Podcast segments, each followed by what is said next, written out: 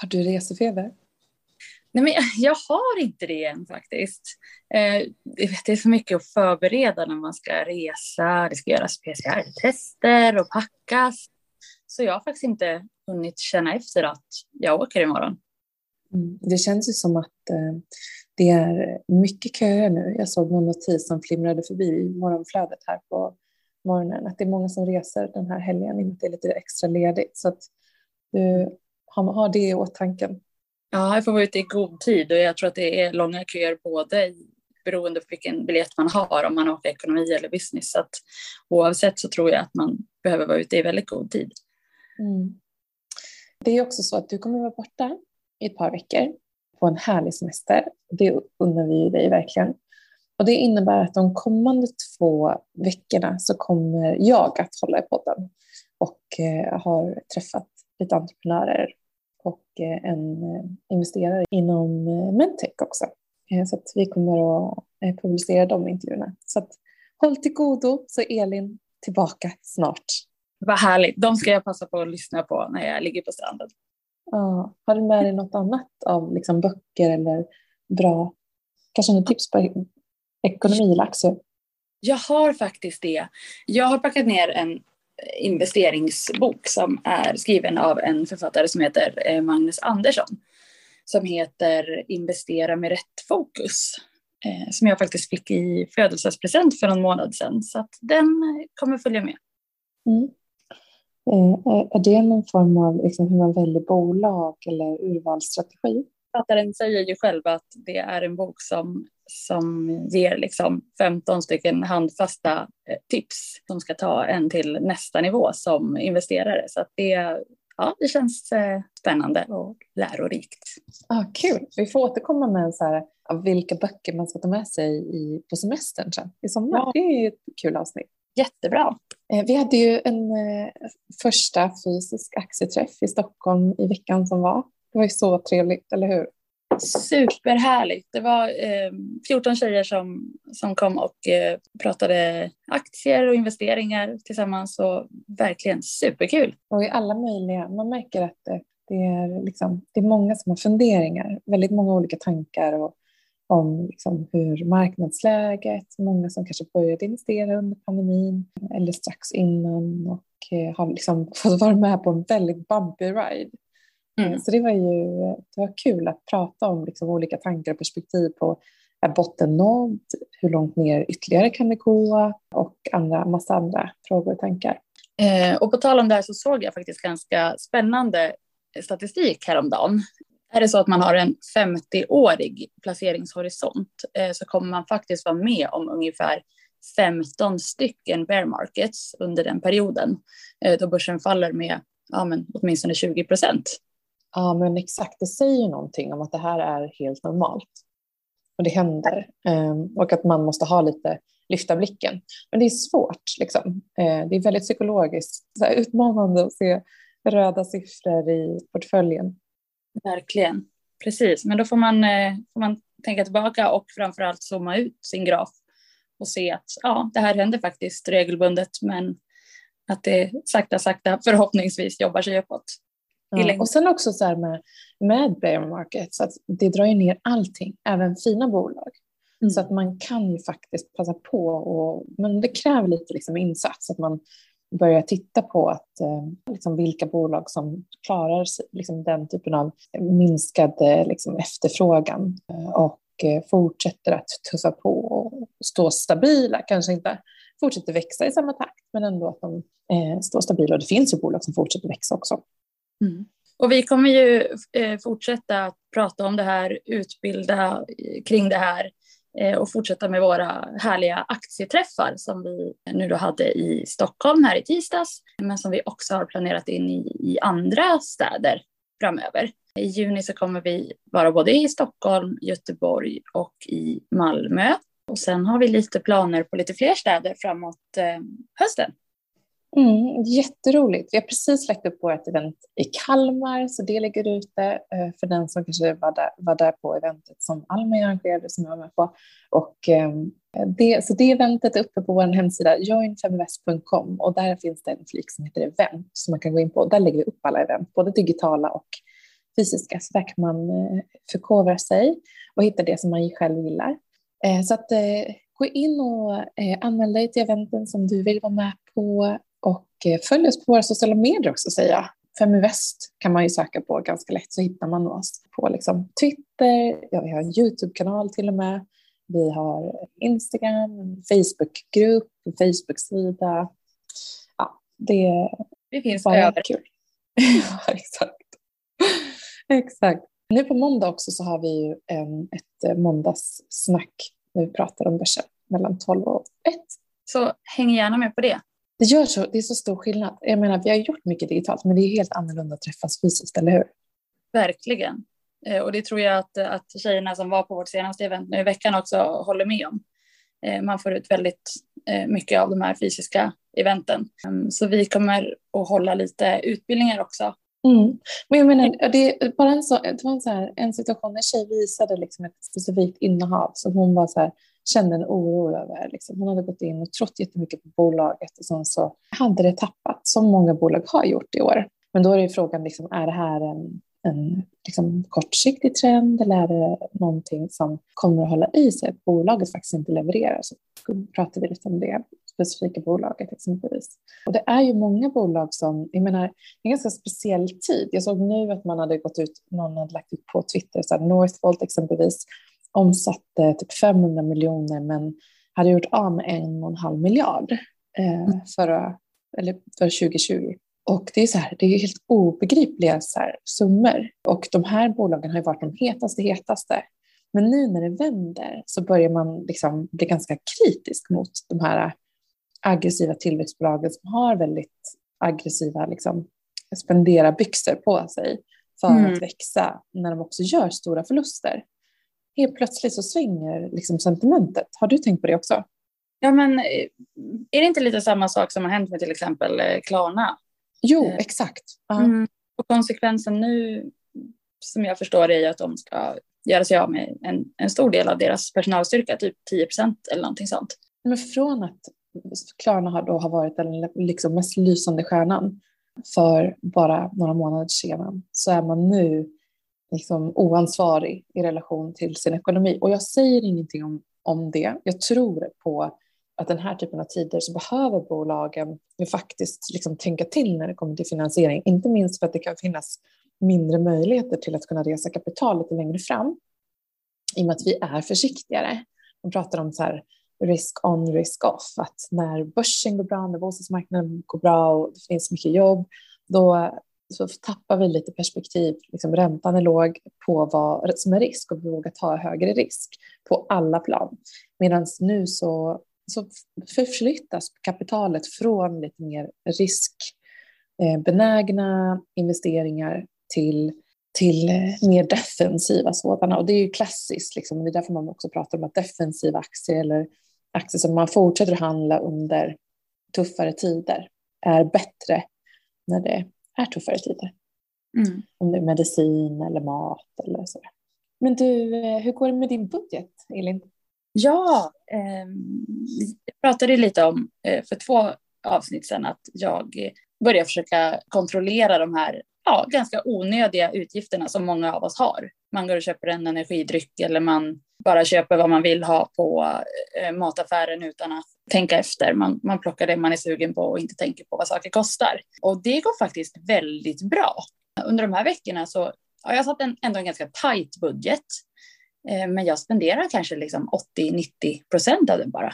Och, och, min tanke har varit så här, jag ska försöka spara ihop lite extra nu då när jag ska åka på semester. Och det är ganska kul. Man kan tycka att det låter kanske lite mossigt och tråkigt, men det är ganska roligt. Det blir lite som en, ja, men som en, en tävling mot sig själv. Mm. Och kunna hitta alternativ. Så här, måste vi gå ut och käka den här dyra middagen eller kan vi göra precis lika trevlig middag hemma till exempel? Så att eh, det går vad jättebra. Vad grym du är, vad kul!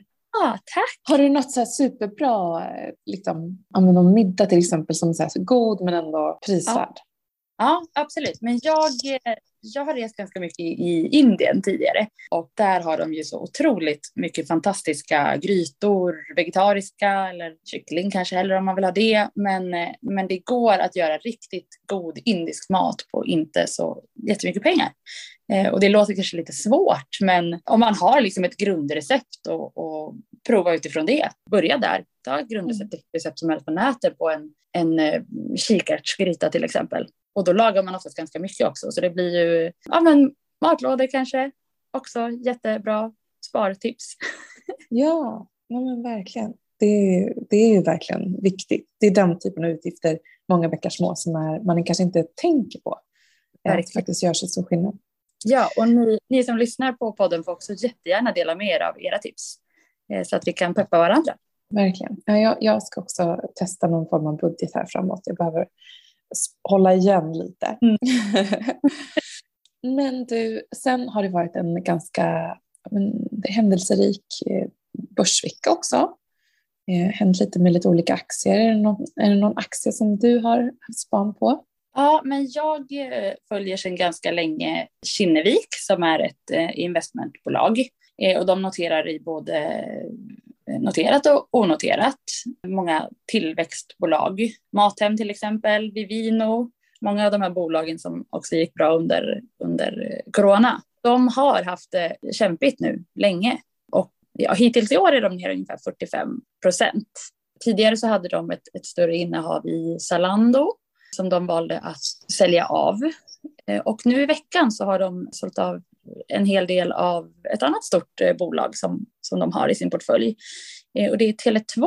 Där har de valt att släppa aktier för ungefär 6 miljarder kronor. Mm. Tele2-aktien gick ner ganska mycket då såklart på, på den här nyheten. Och nu har de väldigt stor del tillväxtbolag i, i sin portfölj. Och i det här... Ganska små tillväxtbolag. Ja, precis. Och i det här klimatet som har varit så är det ju många sådana bolag som, som har haft det extremt eh, kämpigt, vilket man ser på Ja, de har fått väldigt mycket kritik. Dels så hade de, tog de bort sin utdelning ett tag. Nu är den återinförd. Eh, men eh, sen så att de har gjort sig av med de här lite mer stabila växande bolagen till fördel för liksom en Absolut, de har mycket pengar eh, frisatt nu, men det, de, det är en högre risk absolut i bolaget och det har ju inte varit attraktivt på börsen under våren. Så man vet ju inte om det är en strategi att de nu har de här stora summorna pengar på sidlinjen och kunna, kunna handla mer eller om man avvaktar så det ska bli jättespännande att se eh, vad de mm. väljer för spår. Alltså jag har också en, en, annan, för att halvledare känner ju till, jag vet att det är mycket diskussion runt eh, till exempel Taiwan och liksom Kina och USAs markering här i veckan om att eh, eh, liksom, man kommer gå in och skydda på något, eller vara med och liksom bidra till Taiwans självständighet på något sätt. För Taiwan då finns ett bolag som heter Taiwan Semiconductor som är extremt stora globalt när det kommer till halvledare. Och eh, det blir liksom en, man inser nu i den här situationen med gasen som har strypts åt och oljan med Ryssland att så här, vi är i ett, ett skört system. När någon marknad stängs och, och vad kan hända? Liksom. Så det är bland annat också ett bolag som heter Savers Semiconductors som har gått upp, de har gått upp 20 procent bara på en vecka. Och eh, vi pratade om dem just i måndagsaktier för typ två veckor sedan och då sa hon sen veckan efter, åh, jag skulle ha köpt, den stack ju 6 procent dagen efter. Liksom. Ja. Eh, och eh, för jag lyfte det bolaget och berättade lite om det. Och, då så, eh, och de är ju liksom, eh, de är teknikbolag, de säljer chip och integrerade eh, moduler och antenner och så här för 5G. Så ett sånt typ lite mer defensivt bolag skulle man kunna säga. Mm. Eh, som i år då har gått upp 80, över 80 procent. Så det är ju liksom i likhet med, med liksom, det är Saab-nivå på det som har mm. gått upp väldigt mycket med tanke på den militära upprustningen. Mm. Vart har de sin produktion? En bra fråga faktiskt. Eh, alltså vet jag att huvudort ligger här i Stockholm. Mm. Men jag vet inte om de sätter ihop komponenterna här eller liksom om det sker långt bort så är det ytterligare, eller kan ju det vara liksom utmanande det här med, med frakt och och sen så har vi också ett danskt bolag som heter Bavarian Nordic som också har börjat sticka iväg på grund av den här, den här epidemin av apkoppor. För ett par dagar sedan så det är ju ett danskt bolag och nu har Danmark börjat erbjuda vaccin till de som sig. Jag tror vaccinet, eh, om jag inte missminner mig, så är det för, används det för smittkoppor egentligen, som man utrotade då tidigare. Mm. Mm. Så att, eh, det är också en, en aktie som verkligen har stuckit iväg. Ja, men jag såg det typ var det 18 procent igår eller något sånt där? 46 procent på, på sista veckan. Oj! Mm. Verkligen. Jag, jag, tror att många är lite nervösa över det här, nya, det här nya viruset. Man vill inte hamna i en coronasituation igen. Nej, men så är det ju verkligen.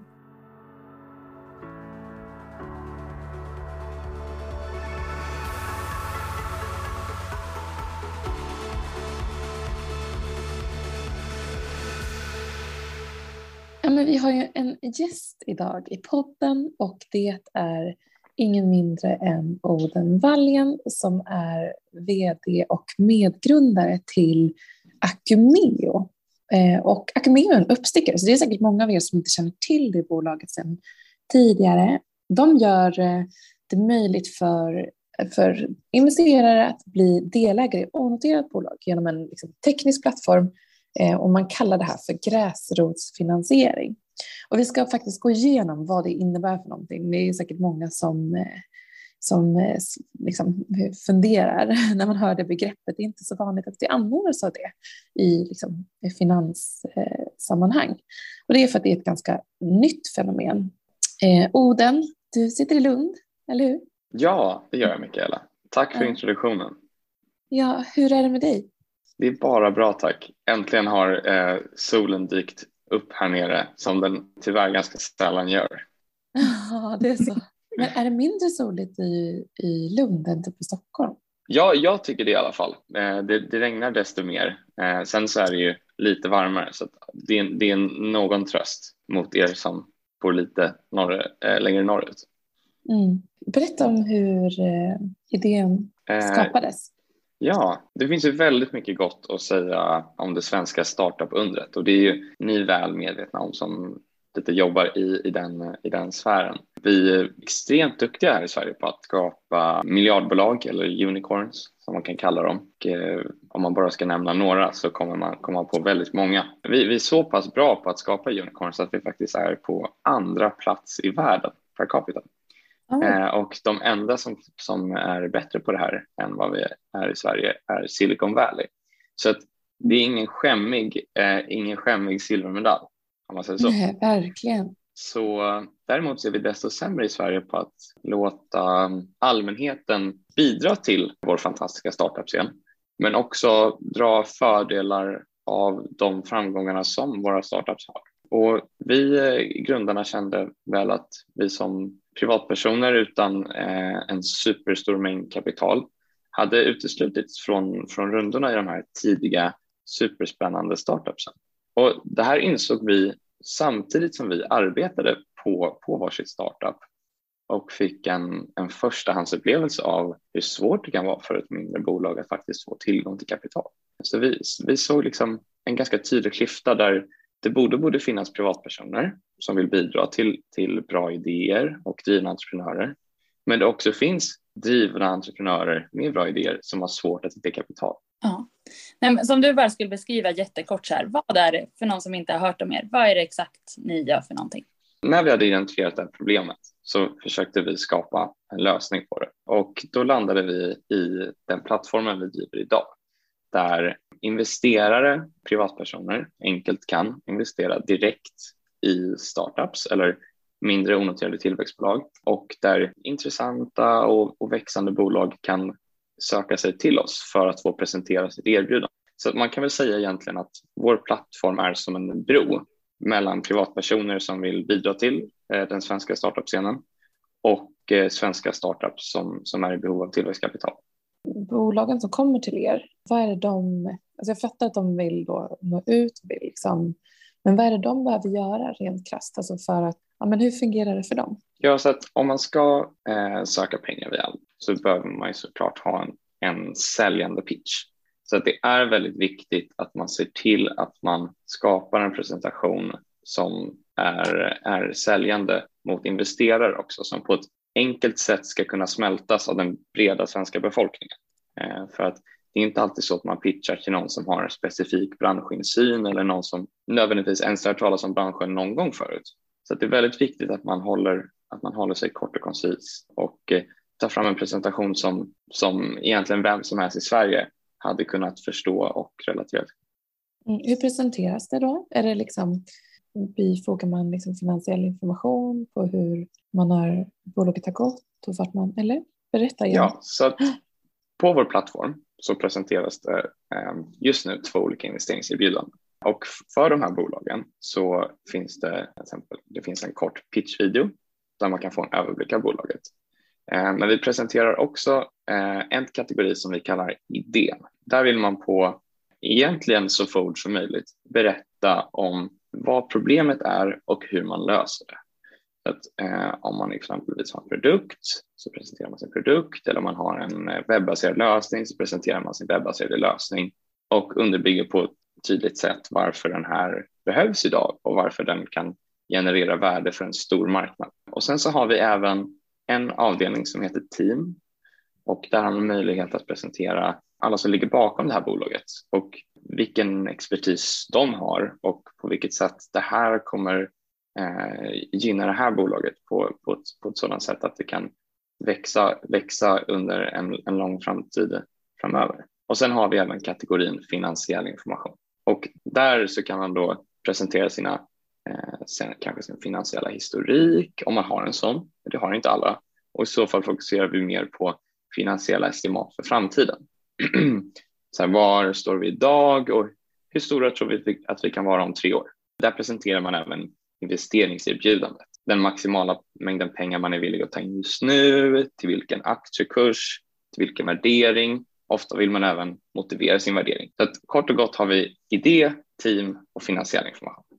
Även om du får det att låta väldigt så pedagogiskt och, och eh, lätt så tänker jag att i en i ett så här typ av verksamhet så behöver man liksom massa olika tillstånd och liksom hur funkar, funkar det?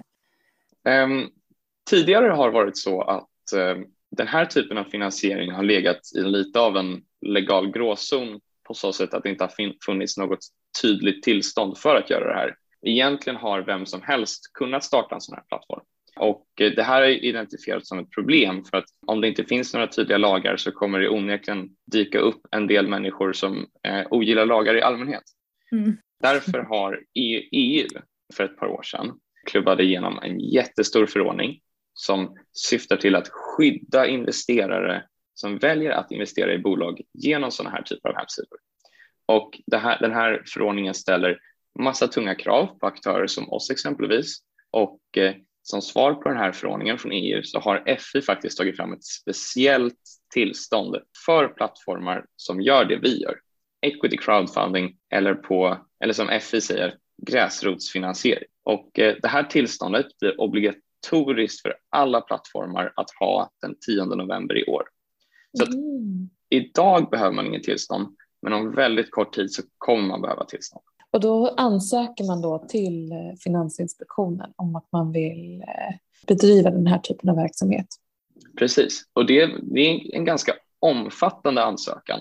EUs regler för equity crowdfunding som kommer, som kommer vara obligatoriska den 10 november är på 64 A4-sidor eh, lång och FIs svar på förordningen är på 124 A4-sidor. Så det är väldigt mycket regler som, som, kommer, som kommer göra det säkrare för alla som vill investera i sådana här plattformar att göra det. Eh, hur skulle du säga, liksom, hur skiljer sig en, eh, en crowdfunding i jämförelse med en annan emission? Mm, vanligtvis eh, när man gör en vanlig eh, nyemission som, som ett mindre bolag så riktar man ju sig till ett, ett mindre antal aktörer som kanske har möjlighet att gå in med större summor och eh, det kan ju vara ett väldigt smidigt sätt att ta in pengar om man känner många individer som har väldigt mycket kapital över att gå in med i ditt företag. Men de flesta känner inte särskilt många affärsänglar exempelvis eller tycker det är svårt att komma i kontakt med affärsänglar eller riskkapitalbolag. Och då är equity crowdfunding en perfekt metod för att egentligen utan några tidigare kontakter få chansen att visa sin idé för en, för en bred skara människor. Och det här tillför fördelar som man kanske inte nödvändigtvis får om man skulle gå till en mindre grupp affärsänglar. Om du exempelvis tar in kapital via oss och får säg 50 nya delägare, då är det 50 personer som bokstavligt talat är investerade i att det går bra för dig. Så du har 50 trogna ambassadörer som kommer inte bara köpa din produkt på, på löpande basis utan även rekommendera din produkt till, till alla de känner. Och eh, i och med att du har en fantastisk produkt så kommer de här personerna i sin tur rekommendera det till ännu fler. Så att equity crowdfunding är ju inte bara en väg till tillväxtkapital utan också en fantastisk marknadsföringskampanj.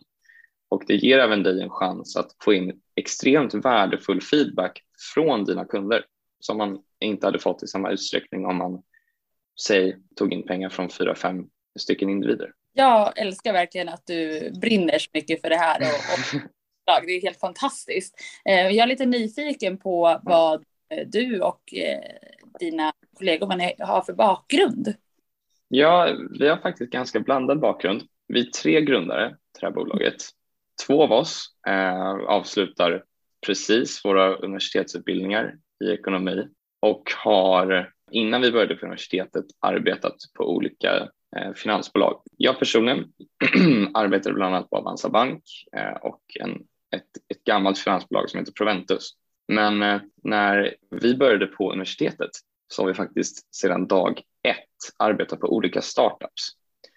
Så att vid sidan av studierna har vi alltid befunnit oss i, i startup-sfären och älskat tempot och alla drivna människor man får möta. Och förutom vi två i grundarlaget som läser ekonomi så har vi även en till grundare som har en lite mer IT-baserad bakgrund. Innan studierna så var han faktiskt IT-entreprenör sedan en, en väldigt ung ålder. Jag tror att mm. när han var 13 år gammal så började han göra hemsidor åt restauranger i Stockholm. Så att om ni varit inne på exempelvis en sushi-restaurang eller en pizzerias eh, hemsida och läst menyn så är det ganska stor chans att det är vår Hugo som har gjort den hemsidan. Kul. Han, han läser inte ekonomi på universitetet utan han läser eh, en civilingenjörslinje som heter industriell ekonomi. Så att eh, vi har, även om vi har lite blandade bakgrunder så har vi alla den här entreprenöriella andan, vilket gör att den här idén har grundat liksom, ur ett så här förstahandsperspektiv vi har verkligen sett och tagit på de här problemen som vi försöker lösa. Och eh, vi, vi förstår både entreprenörernas huvudvärk när det kommer till kapitalanskaffning och investerarnas frustration när man inte ens får möjlighet att hjälpa till. Jag är också intresserad av liksom, dels, för vi är inne på lite den frågan, det är så här, vad du själv drivs av. För det känns, Iman, när man pratar med dig som att du är, alltså du vill vara med och påverka. Verkligen. Det är otroligt roligt att inse att även om vi lanserade i november eh, för bara ungefär ett halvår sedan så har vi redan hjälpt fem bolag att faktiskt realisera sina tillväxtdrömmar. Det drivs jag av att vi ändå har skapat någonting och personligen hjälper entreprenörer att, att göra världen till en, en lite bättre plats genom att eh, fullfölja sina drömmar och lansera de här bolagen. Ett bolag som kom till oss var, var bara en PowerPoint. Det var mm. inget mer. Mm. Och idag är de faktiskt en aktiv plattform som man kan använda och köpa deras tjänster. Och eh, det gör mig oerhört glad att se att vi faktiskt kan göra en skillnad så pass tidigt.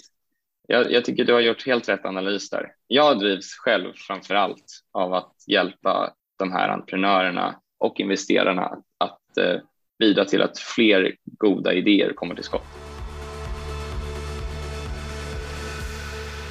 Men vilka är de här entreprenörerna som kommer till er? Vilka är det som vänder sig? Vi hade ganska förutfattade meningar innan vi lanserade den här plattformen om att det framför allt skulle vara bolag som riktar sig till konsumenter med, med lite större följarskaror. Men vi har faktiskt haft en extremt eh, blandad mix av bolag. Vi har hjälpt ett investmentbolag som investerar i life science. Vi har hjälpt, just nu hjälper vi ett glassbolag. Mm -hmm. vi har hjälpt ett finansbolag inom factoring. Vi har hjälpt en, en, en klinik för fysioterapi. Vi har, vi har hjälpt en plattform som underlättar skattedeklarationen för privatpersoner. Så att det är väldigt spritt, i alla fall så här tidigt. Men eh, det man framför allt kan säga är väl att det här är bolag som vill nå ut till en bredare mängd människor. Och det är väl det centrala, den centra, det centrala temat vi har sett. Att bolag som söker sig till equity crowdfunding kan verkligen dra nytta av att deras varumärke exponeras för en bredare skara människor. Mm, oavsett om det är B2B eller B2C så att säga. Exakt. Men om, hur ska man då eh, liksom som investerare, om man sätter på sig investerarhatten, hur ska man utvärdera bolagen? Vilka tips har ja, du med dig? Det är ändå ett tidigt stadium tänker jag.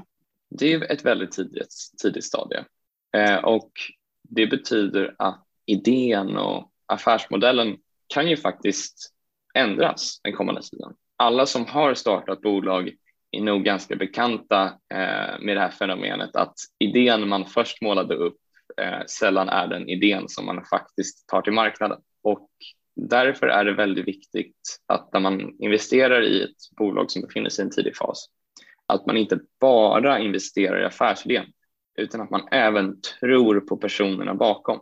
Mm. För i, i, på startup-scenen så är det ofta entreprenörerna bakom som gör skillnaden, inte nödvändigtvis affärsidén.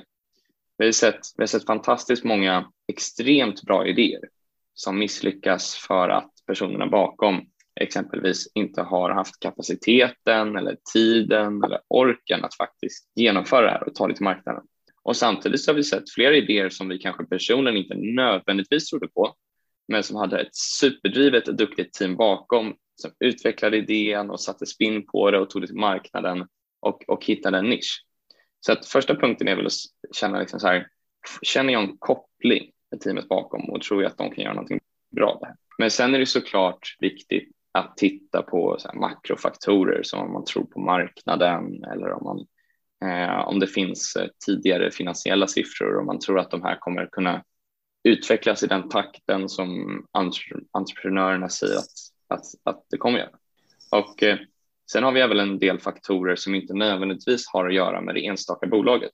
Och det är det här att onoterade mindre bolag är förknippat med ganska stor risk. Trots att det ger en väldigt bra avkastning om man tittar över tio år att investera i onoterat.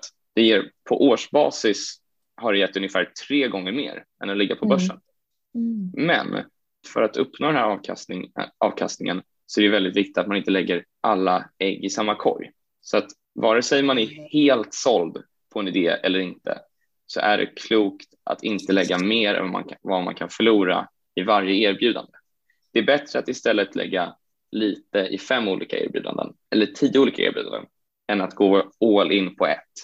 För att det finns faktiskt faktorer som kan göra att trots att det är ett, ett jättebra team och en jättebra idé så finns det yttre faktorer som kan göra att ett så här pass litet bolag ganska snabbt går under. Mm. Jag har en liten följdfråga på det och det är så här vad man kan förvänta sig av information efter att man har investerat och rundan är klar. Ja, och det här är en punkt som vi har upplevt att många oroar sig över. Det här, kommer jag få någon kommunikation från det här bolaget som jag investerat i? Och eh, vi har faktiskt, eh, vi har faktiskt lagt väldigt mycket tid och kommer i framtiden lägga ännu mer tid på att utbilda våra entreprenörer som vi hjälper i att kommunicera med sina investerare. Och, och det behöver inte vara mer än att man skickar ut ett nyhetsbrev varje månad, men att man ständigt håller kontakt och berättar vad som händer. Det här är dessutom ett fantastiskt tillfälle för entreprenörerna att be om hjälp. De kan exempelvis säga Hej, vårt hyreskontrakt för kontoret håller på att gå ut. Är det någon av eh, Eh, är det någon av våra delägare som har ett möjligt lead på en lokal eller liknande.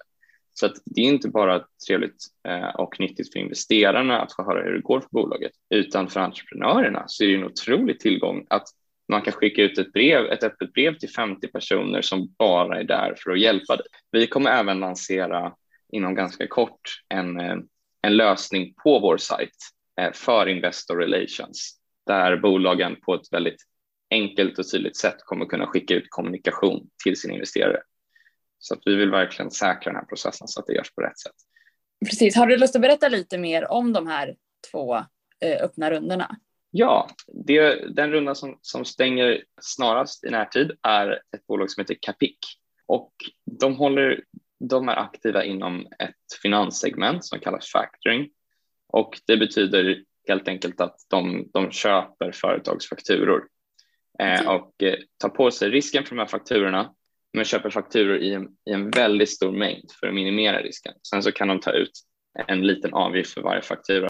Det går väldigt bra för dem. De har varit aktiva länge och i det här erbjudandet så erbjuder de aktier som har 7,5 procent i direktavkastning per år och, och det är väldigt bra eh, om man vill ha lite, en lite mer stabil tillgång i sin portfölj som genererar ett stabilt kassaflöde. Och de här 7,5 procenten i direktavkastning betalas ut, eh, betalas ut månadsvis. Så att om man investerar i Capix så kan man faktiskt eh, bygga upp en, en, liten, en liten månadspeng som trillar in på, direkt på bankkontot eh, varje månad. Så att de, de tycker jag man ska gå in och titta på om man vill investera i någonting. Jag ska inte säga tråkigare, men ett, ett stabilt bolag som, som ger en, en konstant månadspeng.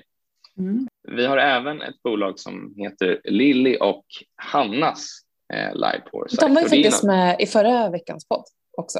Ah, mm. Just det, ja, vad roligt. Eh, det ja, Så att, för den som inte lyssnat på den intervjun så kan man gå tillbaka och lyssna på den. Mm.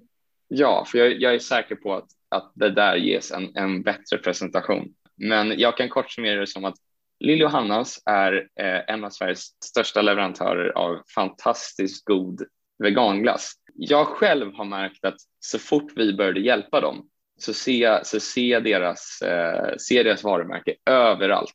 Mm. Och jag, jag, är säker på att ni hade upplevt samma sak om ni gick in och tittade på deras kampanj. Eh, de finns verkligen överallt.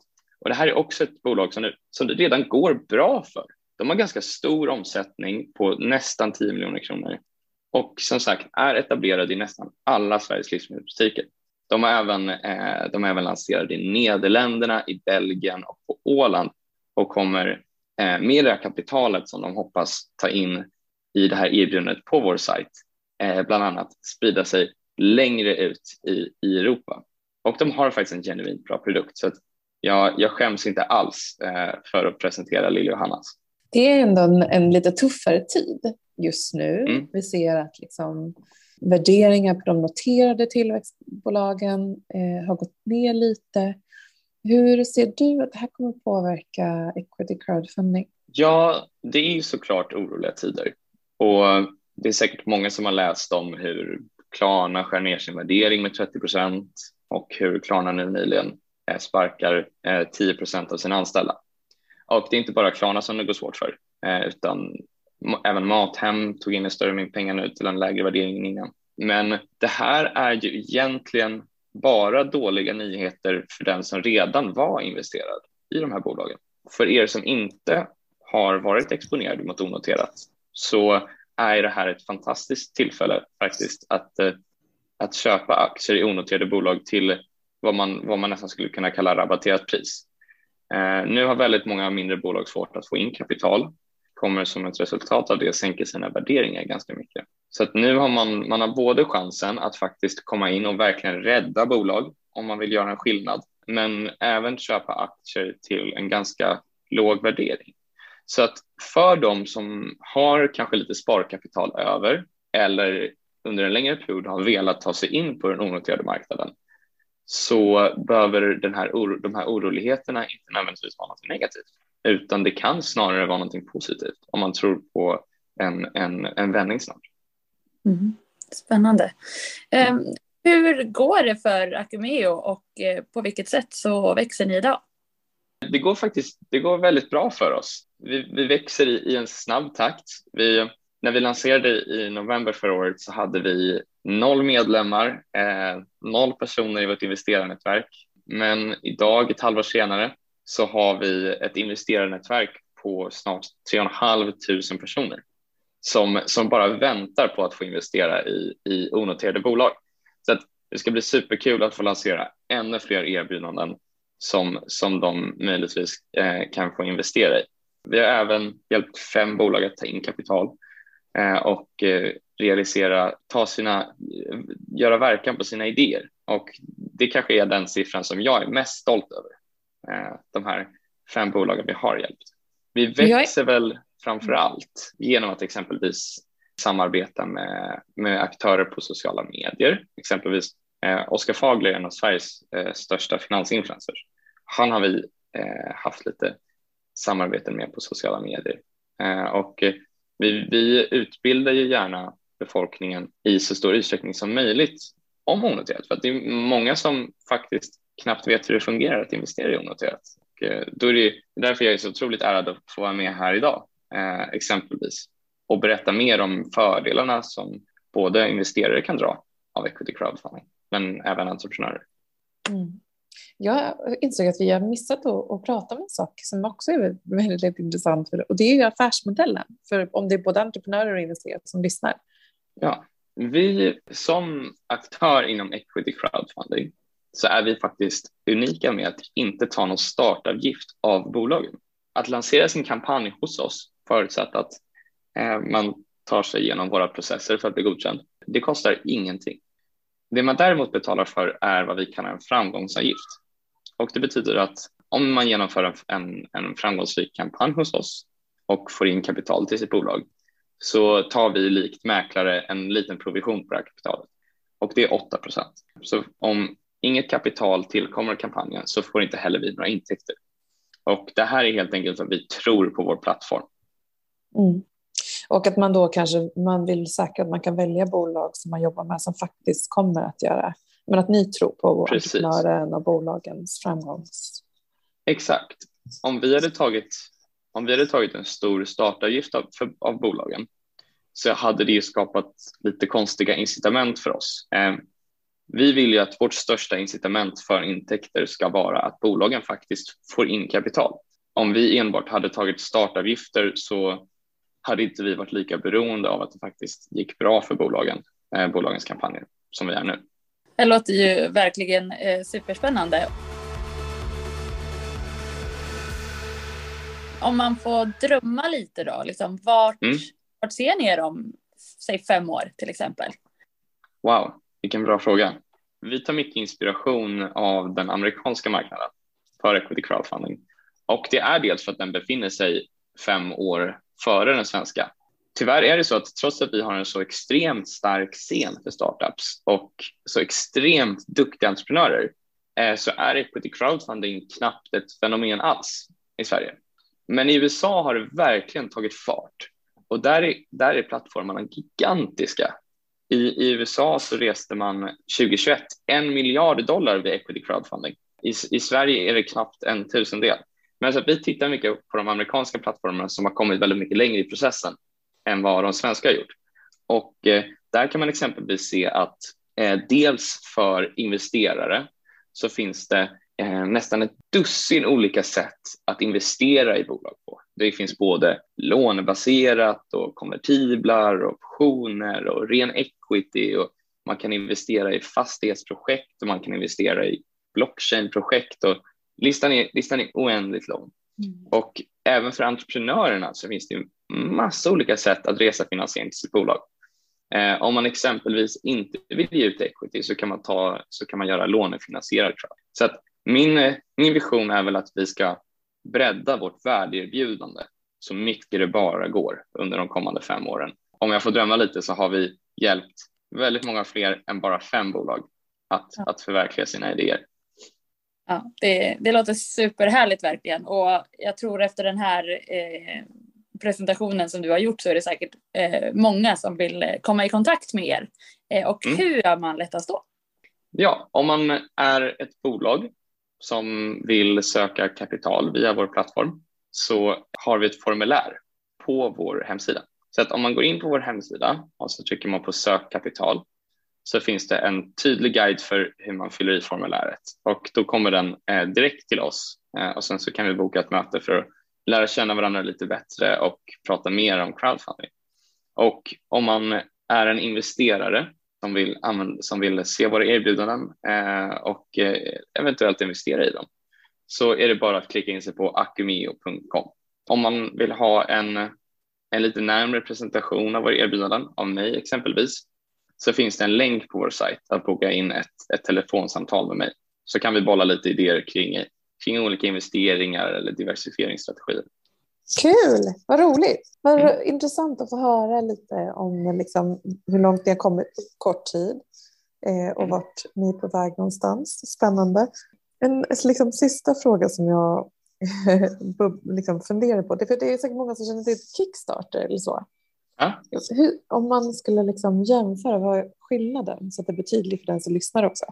Ja, på Kickstarter så finns det ju massa superspännande projekt att stötta och eh, när man stöttar ett projekt på Kickstarter så gör man det dels för att man gillar idén, precis som när man stöttar ett projekt hos oss. Men de här pengarna som du bidrar med, de får du inte några ägarandelar i utbyte mot, utan Kickstarter kan man mer se som en plattform där man förbeställer spännande produkter. Om det går bra för bolaget sedan så är inte det nödvändigtvis någon, eh, någon framgång som bidragarna kan dra fördel av. Exempelvis eh, Oculus Rift, det är de som gör sådana här VR-glasögon som köptes upp av Facebook för, för några miljarder.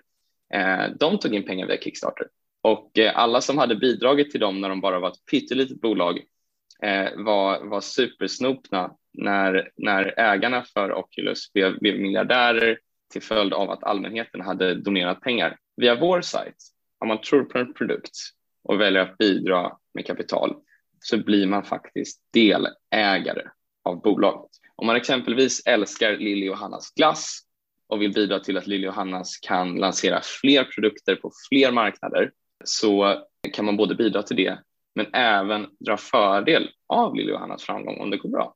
Då blir man faktiskt en delägare av bolaget. Ja, men det var ett bra förtydligande. Tack för det. Och eh, kul att höra. Jag har faktiskt hört honom prata. Han var inbjuden talare till ett bolag i Tyskland som okay. var med. Väldigt häftigt att höra om hans resa. Otroligt. Ja. Eh, Oculus-grundaren. Mm. Mm. Du, tack så jättemycket för att du var med i Filmastpodden. Tack så hemskt mycket för inbjudan. Lycka till. Tusen tack Mikaela. Jag kan bara säga detsamma. Och tack Elin. Tack. Vi har lite gemensam nämnare där. Vi vill också påverka på vårt sätt. Ja, precis. det, är det som gör mig så glad också att få vara med här och prata med er. För att i grund och botten så har vi samma vision. Så eh, in och kika på Acumeo. Eh, kom ihåg att gör er egen research, alltså stå för era egna investeringsbeslut, så viktigt. Jag till exempel eh, liksom brände mig verkligen i 2008 när jag gjorde mina första investeringar och eh, för att jag lyssnade på vad andra sa vad jag skulle investera i och då lovade jag mig själv att jag inte skulle göra det igen. Eh, så det vill jag verkligen uppmuntra er till att, att vara nyfikna och också om det är så att ni hittar bolag som ni tycker är intressanta hos Acumeo, alltså ta kontakt med entreprenören också. Det är, ställ frågor och, och liksom så så eh, kan man också få liksom mycket information och, och, se vem det är som ligger bakom bolaget. Jag hade, jag hade inte kunnat säga det bättre själv, Mikaela. Det är väldigt sunda råd. Hörni, ta hand om er. Elin, flyg försiktigt. Du ska ju iväg här. Återkom hur boken, hur boken är som du berättade om i början här. Bokråd inklusive en och annan strandbild kanske. Ja, härligt. Ta hand om er så ses vi nästa torsdag igen. Eller hörs i alla fall. Tack för idag.